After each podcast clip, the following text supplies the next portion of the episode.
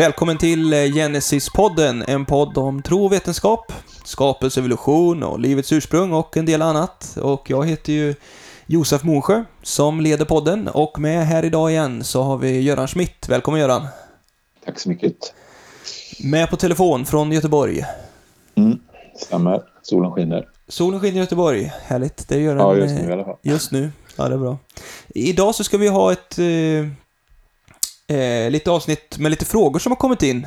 Vi har inte riktigt hunnit med det så mycket som vi hade tänkt, men eh, så vi raddar på med ett litet frågeavsnitt. Så har du ställt en fråga så är det säkert så att den kommer med här. Eh, och det är ju intressant och det är lite frågor på sånt vi har pratat om och lite annat. Men först ut då. Eh, vi fick en tidig fråga här i höstas om eh, The Great Oxidation Event.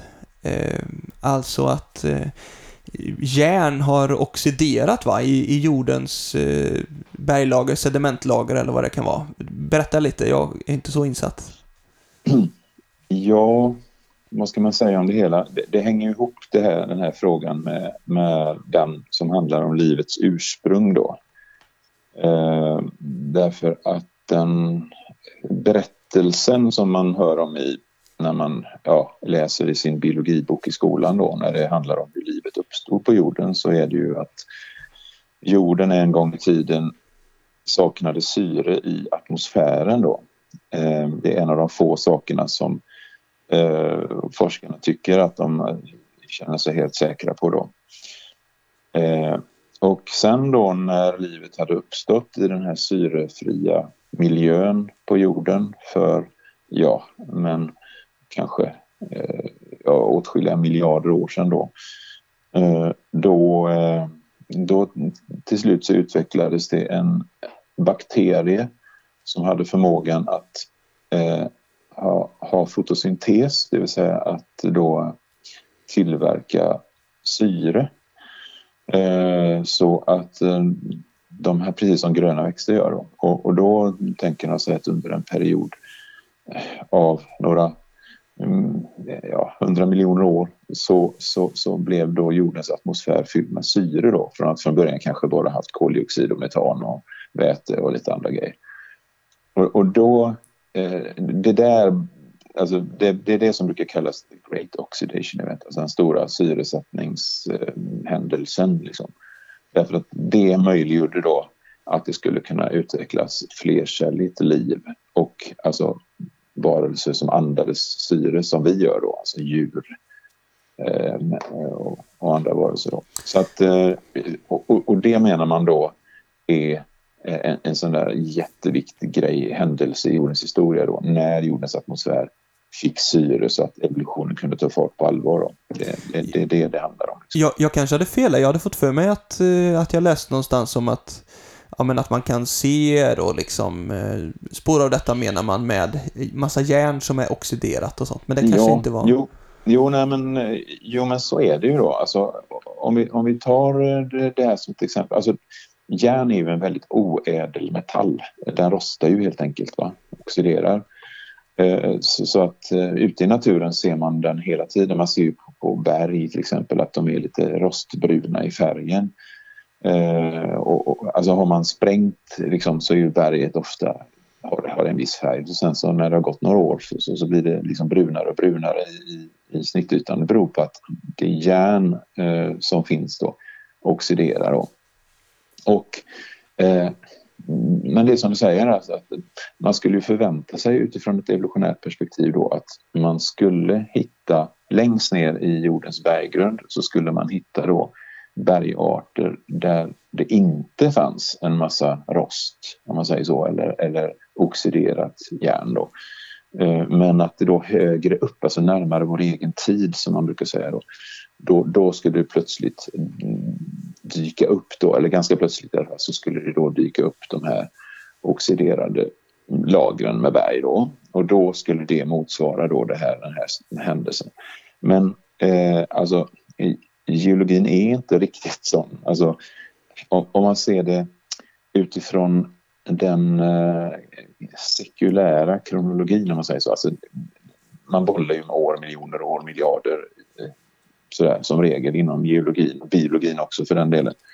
Och då, då menar man alltså att för, för de här, de här eh, alltså då, blågröna bakterierna som började andas ut syre då, de menar man då uppstod för kanske ja, 2,7 miljarder år sedan. Och så sen för några hundra miljoner år senare så började, då, då började det bli ordentligt med syre i atmosfären. Stämmer det här då med det man kan se i de geologiska lagren? Då är svaret nej, inte riktigt. Därför att långt djupare ner än de här 2,5 miljarderna år sedan när, när det då började finnas syre långt, långt längre ner i berget, alltså mycket, mycket äldre eh, lager enligt evolutionärt perspektiv, alltså geologisk evolution. Så då, eh, då finns det sådana här syresatta lager så att det, det, det finns liksom eh, ända ner till nästan 4 miljarder år Eh, eh, så som geologer räknar. Vi, vi pratade om djupet i berggrunden då, i prekambrium, långt ner där.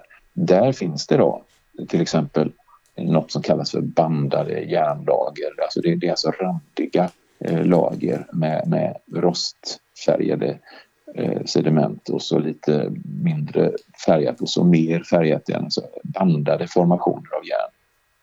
Och eh, och, ja, men det, och det, är samma, det, finns, det finns flera sådana ställen. Det finns eh, till exempel i, i Australien så finns det också platser där man då, det brukar heta att det är 3,5 miljard, alltså en miljard år äldre än när syret skulle ha börjat finnas i atmosfären. Där hittar man liksom eh, eh hematit, alltså det heter blodstensmalm på svenska. Det är alltså en, en, en typ av järnmalm som innehåller mycket syre. Eh, och den finns Eh, där också. Så att eh, det är inte alls så att geologin visar på det här scenariot då. Eh, varken i fråga om att hitta syrefria sediment långt ner i berget och, och, och dessutom så de syresatta sediment och bergarter man hittar de ligger på tok för långt ner för att kunna passa in i den här bilden. Då. Så att, eh, det finns, ja, det här, det, är definitivt, det här är definitivt inte ett argument för evolution på något sätt utan det är snarare så att det är ett ganska eh, ja, spretigt eh, område ur evidenssynpunkt. Eller sådär. Men ur ett evolutionärt perspektiv, jag försöker tänka lite här då. Skulle man kunna tänka sig att det fanns andra orsaker till att det bildades syre liksom långt tidigare än det fanns eh, sådana här blågröna bakterier och sånt då? Ja, men man, först ska man vara med om att hela den här tanken med att jorden saknade syre i sin atmosfär det är någonting som det inte finns någon som helst evidens för. Utan enda orsaken att man tänker så, jag tror att vi pratar om det när vi pratar om livets uppkomst, alltså enda, enda orsaken till att man tänker sig ett sådant scenario det är att om det finns syre i närheten då kan inte livets kemikalier uppstå.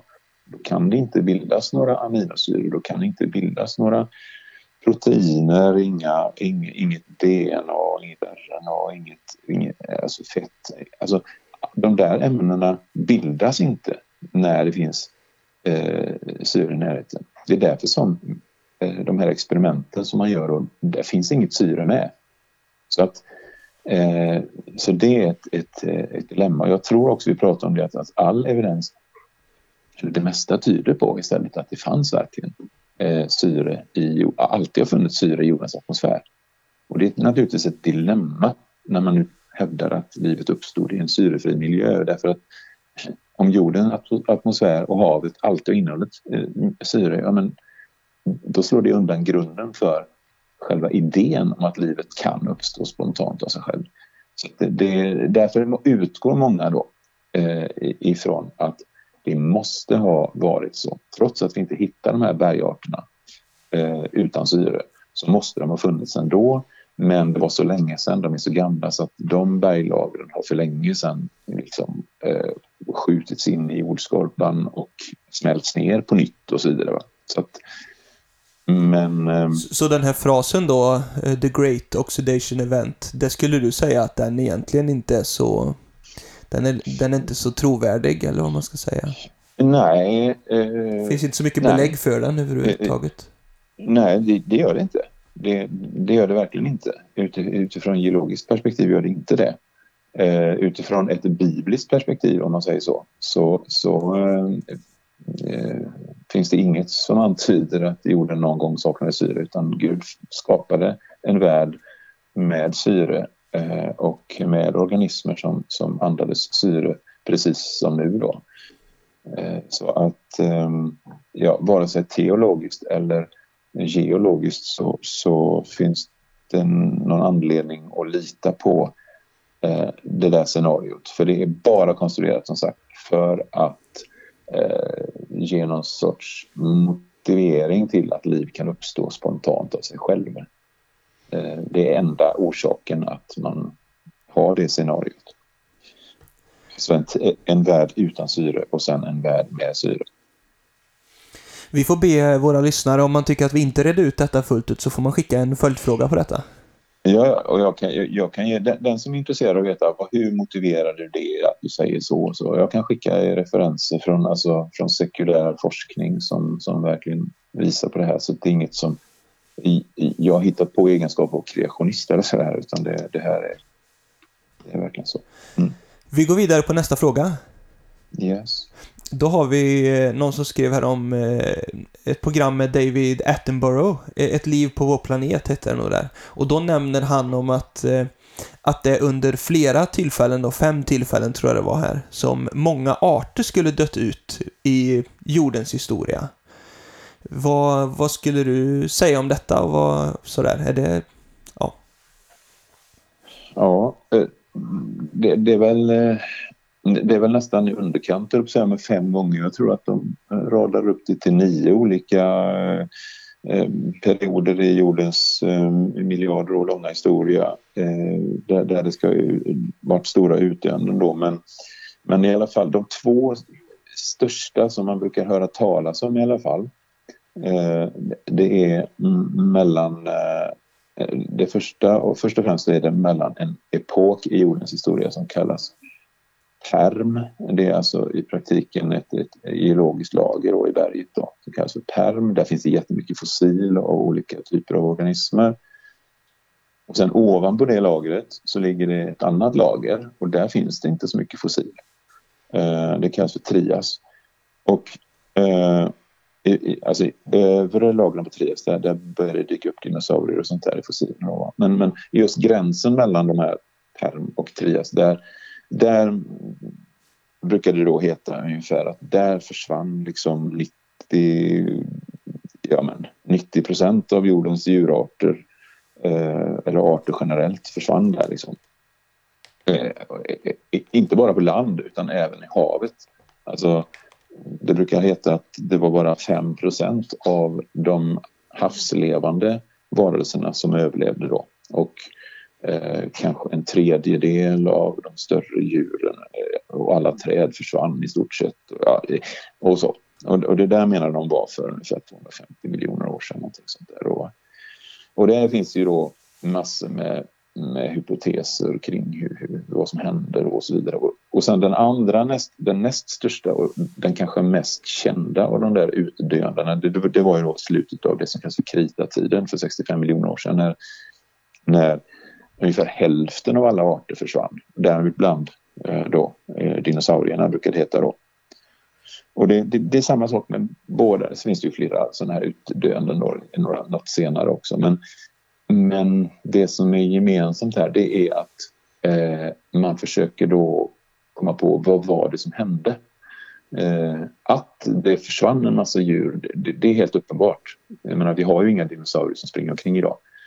En möjligen då nere på Nya Zeeland, eh, Bryggödland då, Tuatara. Men, men annars så är ju dinosaurierna väck, liksom, så vitt vi begriper. Och ja, men på något sätt, de måste ha försvunnit av någon anledning.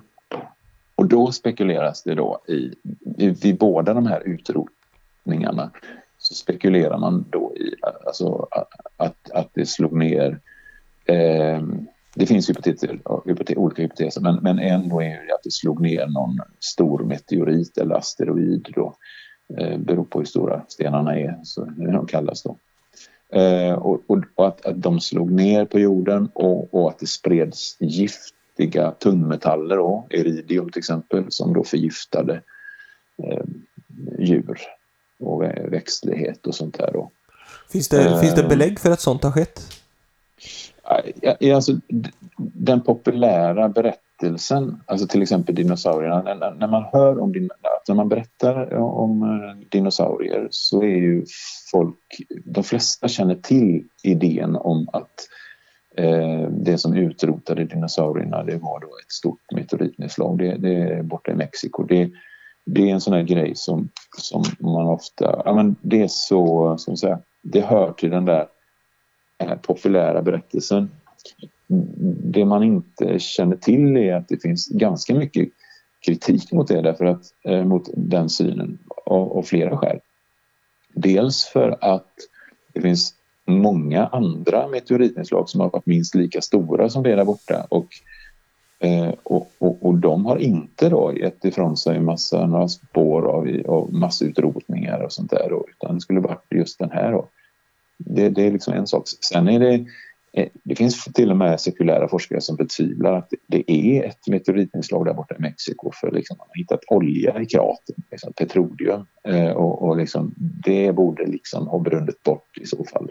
Eh, så att det finns, det är inte alls så klart som, eh, som det brukar låta då, utan många forskare, eh, de flesta forskare faktiskt, men det märks inte så mycket, men de flesta forskare menar att det istället handlar om eh, massiva vulkanutbrott, alltså en period i jordens historia där vulkanerna blev väldigt, väldigt aktiva och skickade ut då eh, ja, men lava och gaser och grejer. Och för det visar sig nämligen att eh, det är nästan alltid så att det finns eh, mycket iridium i alltså det som kommer ut från vulkanerna.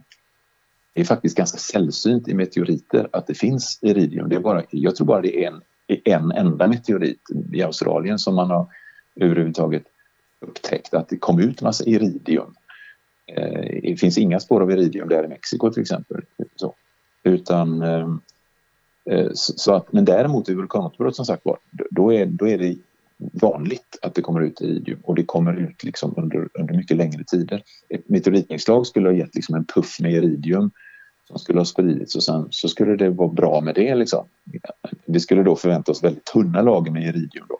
Men, men de lager man hittar utöver jorden, det kan vara flera meter tjocka lager som är väldigt täta med iridium. Och det skulle ju verkligen tala för att det snarare handlar om vulkanism under längre tid då istället. Så att nej, inte ens... Men man hör väldigt lite om detta utan jag menar, det enda man hör egentligen så är det just att eh, att det handlar om ett meteoritnedslag som dödade dinosaurierna. Så att det, är, det är, sen kan man ju naturligtvis fundera på, ja men, vad, utifrån ett ja men, bibliskt perspektiv, vad, vad, hur skulle man se på de här då? Alltså alla kan vara överens om att mängder med djur har dött ut under jordens historia. Eftersom det finns mycket djur i fossilen som vi inte hittar idag, som inte lever längre, så är det ju helt klart att många djur har dött ut och Bibeln har ju en förklaring. Bibeln har ju en förklaring att, att eh, jorden drabbades av en gigantisk översvämningskatastrof eh, för inte så länge sedan, ett antal tusen år sedan. Eh, fyra och ett halvt tusen år sedan kanske, så, så, så hade eh, jorden en, en, då var det då en global översvämning det brukar kallas för Bibelns syndaflod, men var. Precis, och vi har inte talat så mycket om den här, men det kommer ju i något eh, kommande avsnitt här, så man får, vi får lite idag och så kommer man få en mer djupare eh, ingång på detta framöver. Ja, men, precis. men, men fortsätt. Men, men, men, det är klart att en sån händelse, det kan mycket väl vara så att eh, själva syndaflodshändelsen då initierades av ett meteoritnedslag eller, under alla omständigheter så, så, så, var det en väldigt aktiv geologisk period i jordens historia. Därför att det står i Bibeln så här att det, i sjätte kapitlet, första Mosebok, så står det då att eh, det år, det här och det här året, den dagen, i den och den månaden, då bröt det stora djupets källor fram, står det. Och himlens fönster öppnade sig. Alltså det, det, det, det där stora djupets källor antyder alltså att det kom enorma mängder med vatten från jordens innandömen och det antyder i sig då en, en geologisk aktivitet Eh, och vad som utlöste det, det var ju i grund och botten var det ju Gud som, det var ju liksom Gud som eh, lät detta ske med en avsikt. Men, men, men det kan mycket väl ha varit så att det skedde genom eh, att det startade upp med ett meteoritnedslag eller, eller så var det bara liksom att, att vulkanismen drog igång. Eh, där. Så, att, så att det finns liksom det bibliska scenariot och det sekulära scenariot har beröringspunkter helt klart. Och definitivt är det så att många organismer dog under syndafloden för att havet, eh, det blev en enorm belastning på ekosystemet. Havet liksom med, med, med många olika ja, processer som, som skedde där. Så att, ja. Om du, om du bara kort sammanfattar igen då liksom, för dig som ja, skapelsetroende, vad, ja, hur, hur... Och då säger jag så här, nu, precis, och, och det är så här, i bergen så hittar man då olika lager där, där, där fossil, eh, Eh, fossilorganismer är många och så försvinner de och sen så blir det andra och så försvinner de och så vidare. Eh, och det brukar då tolkas som de här utdöendena då när, när det glesar ut plötsligt när man går uppåt i berglagren. Men i ett syndaflodsperspektiv, som vi kommer då, som du säger, återkomma till, så handlar, då har de här eh, tjocka, tjocka berglagren inte bildats under miljarder år, utan istället under de kanske 400 dagar när syndafloden ägde rum och i skeden efter det då, innan ekosystemet jorden hade stabiliserat sig. Och, och då betyder de här tjocka lagren olika, deras olika innehåll av fossil eh, tolkas då istället för, det handlar om havsströmmar, underjorden, underjord, alltså undervattens skred av sediment som där, där eh, strömriktningen förändras. Det var alltså katastrofiska omständigheter. Strömriktningen kastades om plötsligt. Eh, från att ha transporterat eh, organismer från ett håll så plötsligt i nästa lager så kom det vattenströmmar från ett annat håll och la, ner nya sediment som kanske var nästan tomma på fossil eller innehöll en helt annan typ av fossil för de kom från ett annat område på jorden. Så att jordens sedimentära berglager bildades genom alltså, katastrofiska omständigheter och lades ner under eh, väldigt kort tid. Då. Så mycket vatten istället för mycket tid skulle man kunna säga. Just det, och även då, du sa ju detta att det finns spår av det här giftiga ämnet, eller hur var det sa? Det finns i de här berglagren, mm. men det kanske precis. inte påverkade så mycket egentligen då, liksom utdöendet Nej, alltså i sig. Nej, precis. Till exempel iridium. Eh, åker man till Möns klint i, i, till exempel nere i, strax söder Köpenhamn, där med vita klipporna, eh, så, så, finns det där liksom ett lager med, med, med mycket iridium i. Och det, det antyder att det fanns liksom, eh, troligen då vulkanism eh, just som då spred ut aska över oceanen så att i samband med de här gigantiska algblomningarna som, som var efter, på grund av ett stört ekosystem efter syndafloden så, så lagrades det där på havsbottnarna eh, där under loppet av x antal dagar eller veckor eller vad det nu kan ha varit. Så, eh, så att eh, de där lagren finns ju då. Eh, men frågan är hur de ska tolkas och det här är ju någonting som Alltså det beror väldigt mycket på, alltså hur vi tolkar de här sakerna beror väldigt mycket på vad vi har för förväntningar. Då. Förväntar vi oss miljontals år, ja men då tolkar vi det på ett visst sätt. Tolkar vi det som katastrofiska händelser i jordens historia, eh, ja men då tolkar vi det på ett annat sätt. Och det, ingen har facit. Vi, vi, kan bara ha våra olika uppfattningar i det. Just det, men eh, vi får, eh, våra lyssnare får hålla ut med spänning mm. inför att vi tar lite djupare kring detta med floden och, och Noas ark och sådär framöver. Men eh, där hade vi lite i alla fall kring detta då med utdöenden i jordens historia, oavsett om det var länge sedan då, som man tänker ur ett evolutionärt perspektiv, eller om det är en mycket kortare och mer drastisk, eh, eh, ja, vad säger vi, katastrof. Mm, man, man, man, ja. En sak jag kan tillägga är det att det är inte många decennier sedan som, som, man, som det i stort sett var eh, alltså förbjudet, att säga, att tala om stora katastrofer i jordens historia. Det är en ganska, ganska nytt fenomen. Eh, utan... Eh, Inom sekulär så, vetenskap menar du? Inom sekulär vetenskap, ja. Eh, utan, men sen så, så det började väl på någon gång på 70-talet, tror jag, 1970-talet, 1980-talet när man började eh, tala om, om det här med meteoritnedslag och sånt där. Numera är det liksom, som du ser, va, liksom nio nio stycken sådana här utdöenden. Det handlar om nio stora katastrofer. Så att det sekulära, den sekulära synen kan man säga är då det, det är många, många stora katastrofer under jordens historia under långa, långa tidsrymder. Medan det bibliska perspektivet är en stor, eh, alltså framförallt då en stor eh, katastrof kan man säga då, i jordens historia. Så att, eh, där är skillnaden.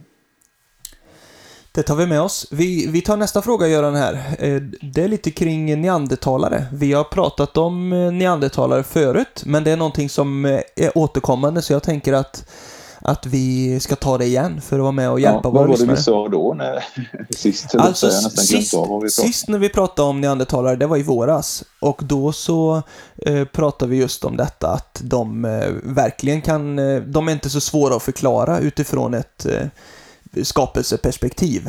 För många kan ju känna att, åh, neandertalare liksom, är vi människor, kommer vi från apan då liksom? Har vi utvecklats en massa genom årmiljonerna och detta? Men mm. eh, neandertalarna, de eh, vittnar ju om någonting annat utifrån vad vi vet idag, va? Visst är det så? Ja, jo men synen på neandertalarna har ju förändrats eh, kolossalt, om man säger, från alltså de den första neandertalaren upptäcktes väl eh, 1856, alltså ungefär när Darwin kom med sin bok eh, då, i, den vevan. Då, då upptäckte, det, var ju, alltså det var ju ingen slump att det var då. Det var ju då man började, på något sätt, Darwin menade att människan hade utvecklats från apliknande varelser. Då började man verkligen leta efter sådana. Och då hittade man ju då eh, några sådana skelett. Bland annat så hittade man ett skelett i Eh, och det kanske har berättat om detta, jag vet inte. Men, men hur som helst, man hittade ett exemplar i Frankrike på ett ställe där som, som var väldigt, eh, skelettet var väldigt deformerat då, alltså väldigt krökt ryggrad och sånt där. Eh, och, och, och det blev ju sen, så att säga, det skelettet blev ju mallen för hur då eh, människans eh, förfäder såg ut. Liksom. Alltså lurna, ja, det såg man inte i skeletten, men, men framåtböjda, liksom, kutryggiga eh, varelser. Då, sådär, va. Sen har det ju visat sig att det där exemplaret från, från det, det i Frankrike, där, det var ju en stackars krake som hade eh, lidit vitaminbrist då, hade D-vitaminbrist och rakit, alltså engelska sjukan då, som gjorde skelettet mjukt och deformerat.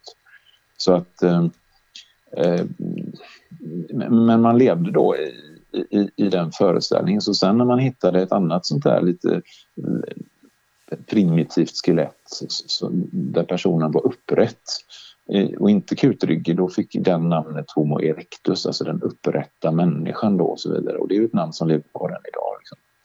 Så att, men sen då när man, när man tittar på bilden på, på Eh, från olika, olika decennier. Alltså från början på 1900-talet och sen fram till vår egen tid så har det är en markant förändring. Liksom. Så att tittar man på de senaste bilderna på neandertalmänniskan så skulle ingen av oss liksom reagera om vi träffade en sån person på stan.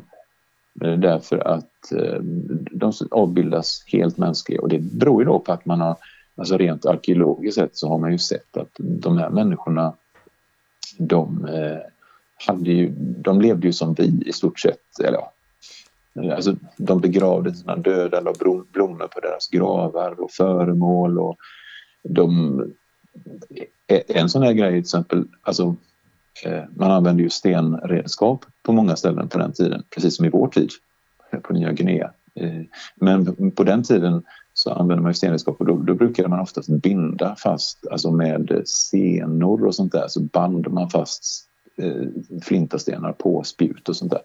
Men, men neandertalarna de, de tog eh, björkbark istället och eh, värmde och så blev det en, liksom en, en, en ja, seg kåda, någon sorts superlim som de tillverkade som de satte fast då de här eh, stenarna på och så vidare. De hade alltså en teknik eh, på många sätt eh, för, för massa saker. De till och med spelar flöjt. Man har hittat en, en, en benflöjt från, eh, som neandertalare använde en gång i tiden. Så, så de har till och med samma, om man säger, de har fem, fem toner i skalan precis som vi har. Liksom. Så de är, idag vet vi att neandertalarna var människor precis som vi. Då. Så det är inte Precis- någon inte primitiv nej. förfäderna, utan eh, vi kan konstatera Nej, att de alltså, är... Ja, men alltså, självklart är det så att eh, precis som med det vi pratade om förut, tidsperspektivet, det, det, det, det är olika sekulär forskning. Men det, det vi kan vara överens om är att eh, de var människor därför att eh, kommer man som du och jag från, inte kommer från Afrika, eh, alltså vi är inte afrikaner då, då, då är det så att icke-afrikaner har någonstans mellan 1 och 4 procent neandertal-DNA i våra egna gener. Och Mm, man, man har räknat nu med att om man tar hela mänskligheten, den nuvarande mänskligheten, så har vi tillsammans kanske 60 procent av neandertalarnas gener. Och det, vis, det bevisar att neandertalare och andra folkgrupper på den tiden, alltså jägare, samlare då, att de bildade familj eh, och med varandra och fick barn som sen fick barn och så vidare. Så att, så att eh, det är vad den senaste genetiken säger. Eh, att, att det är så. Då. Så från ett skapelsetroende perspektiv så är de, de är människor och de är ättlingar till Adam. Ja, och, de, och det är de definitivt. De är ättlingar till och med till, till Noa eh, då eftersom de levde efter floden. De, de, eh, det, det vet man tämligen säkert, annars skulle man inte ha hittat de här eh, alltså, arkeologiska fynden efter, efter dem. Då. De, de, de, finns, man har hittat fynd då i, i Europa och i öst, västra Asien kan man väl säga och i Israel har man hittat många också. Eh, så, att, eh, men, men, men det var en speciell, alltså de hade en speciell anatomi. De hade större kranier, skallar än vad vi hade betydligt och de var mer kraftigt byggda. Eh, sådär va. Men utifrån ett bibliskt perspektiv så bör det ha varit, man är nog ganska överens från alltså bibeltroende antropologer är ganska överens om att det var en folkgrupp som eh, lämnade Babel. När man spreds ut från Babel så, så spreds man ut över jorden. Eh, och, och det här var då en, en, en ganska liten eh, isoler, blev en ganska liten, relativt isolerad folkgrupp som inte blev, blev inte särskilt många individer. De, de kom på den tiden ganska nära syndafloden så, så var det väldigt kärva klimatförhållanden i Europa till exempel och, och västra Asien därför att isen, eh, det blev väldigt kallt klimat, inte mycket sol eh, vilket kan förklara då kanske det här med D-vitaminbrist och sånt där. Men, men eh, eh, eh, och i och med att det var små grupper med, med folk så blir man väldigt utsatt för inavelseffekter och inavelseffekter kan ge ganska snabbt väldigt ja, men, speciella anatomiska drag sådär. Eh, så att det troliga är att neandertalarna led av eh, en, sorts eh, ja, men, alltså inavelseffekter av, av, av, småpopulationer och sånt där. Vilket också kan antyda att de fick färre barn, vilket kan vara en förklaring till att de inte längre finns kvar. Därför att när, när födelsetalen börjar gå ner så, så tar det inte lång tid förrän en, en, en population eh, försvinner helt enkelt. Då. Så de finns ju inte kvar Så- som egen etnisk grupp. De, vi, vi Nej, har gör- DNA nej. från dem sa du, men däremot Ja. är det klart så finns de inte kvar som egen etnisk Nej, grupp. Som ä- ä- Eskimoer även om det eller pygméer eller...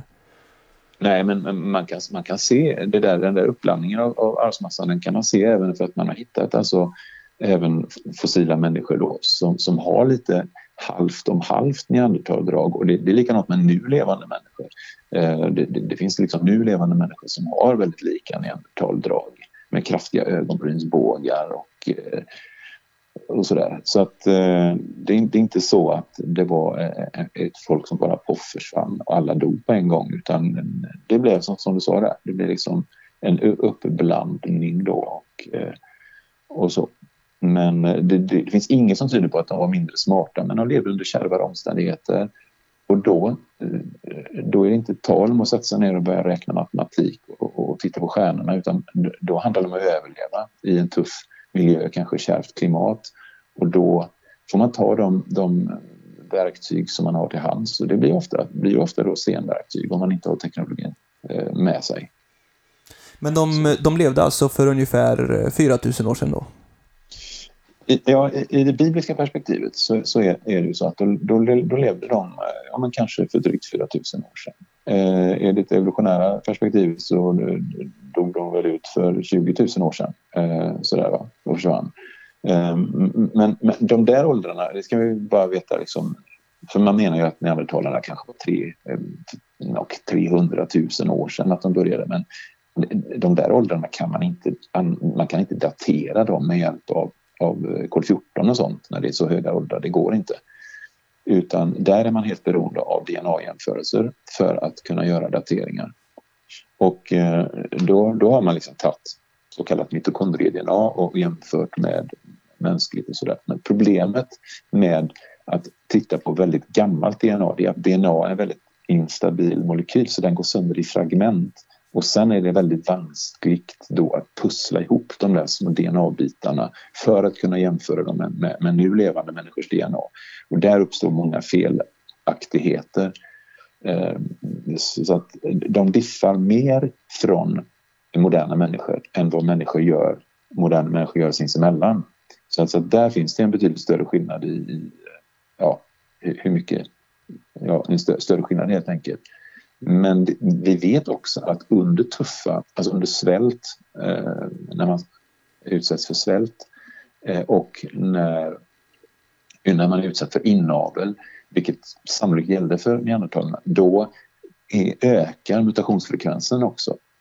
Så att det, det, kan förklara att det är mer som diffar, alltså jämfört med moderna människor. Så det behöver inte handla om mycket, mycket höga åldrar. Det kan vara helt enkelt de där andra faktorerna som, som gör det. Alltså fel, dels att det blir fel när DNA sönderfaller och, och liksom över tid och dels att eh, det, det, det, finns orsaker som skulle kunna förklara att mutationshastigheten var högre eh, under de förhållanden som de levde under. Dem. Här har vi fått lite spännande saker nu då. Vi kommer ju återkomma med något avsnitt framöver kring det här med Eh, den globala översvämningen och Noas eh, ark och sånt där. Så man får hålla ut för det. Och så, Göran, är det något vi ska tillägga innan vi är klara med detta avsnittet? Nej, alltså det är, det är, mycket, det, det är mycket man inte vet. Utan det här är bara, jag har bara eh, visat på lite olika Eh, att man kan se på olika sätt på eh, de här sakerna. Eh, och att det finns liksom en konsensus bland även sekulära forskare för att neandertalmänniskan var verkligen mänsklig som vi. Då.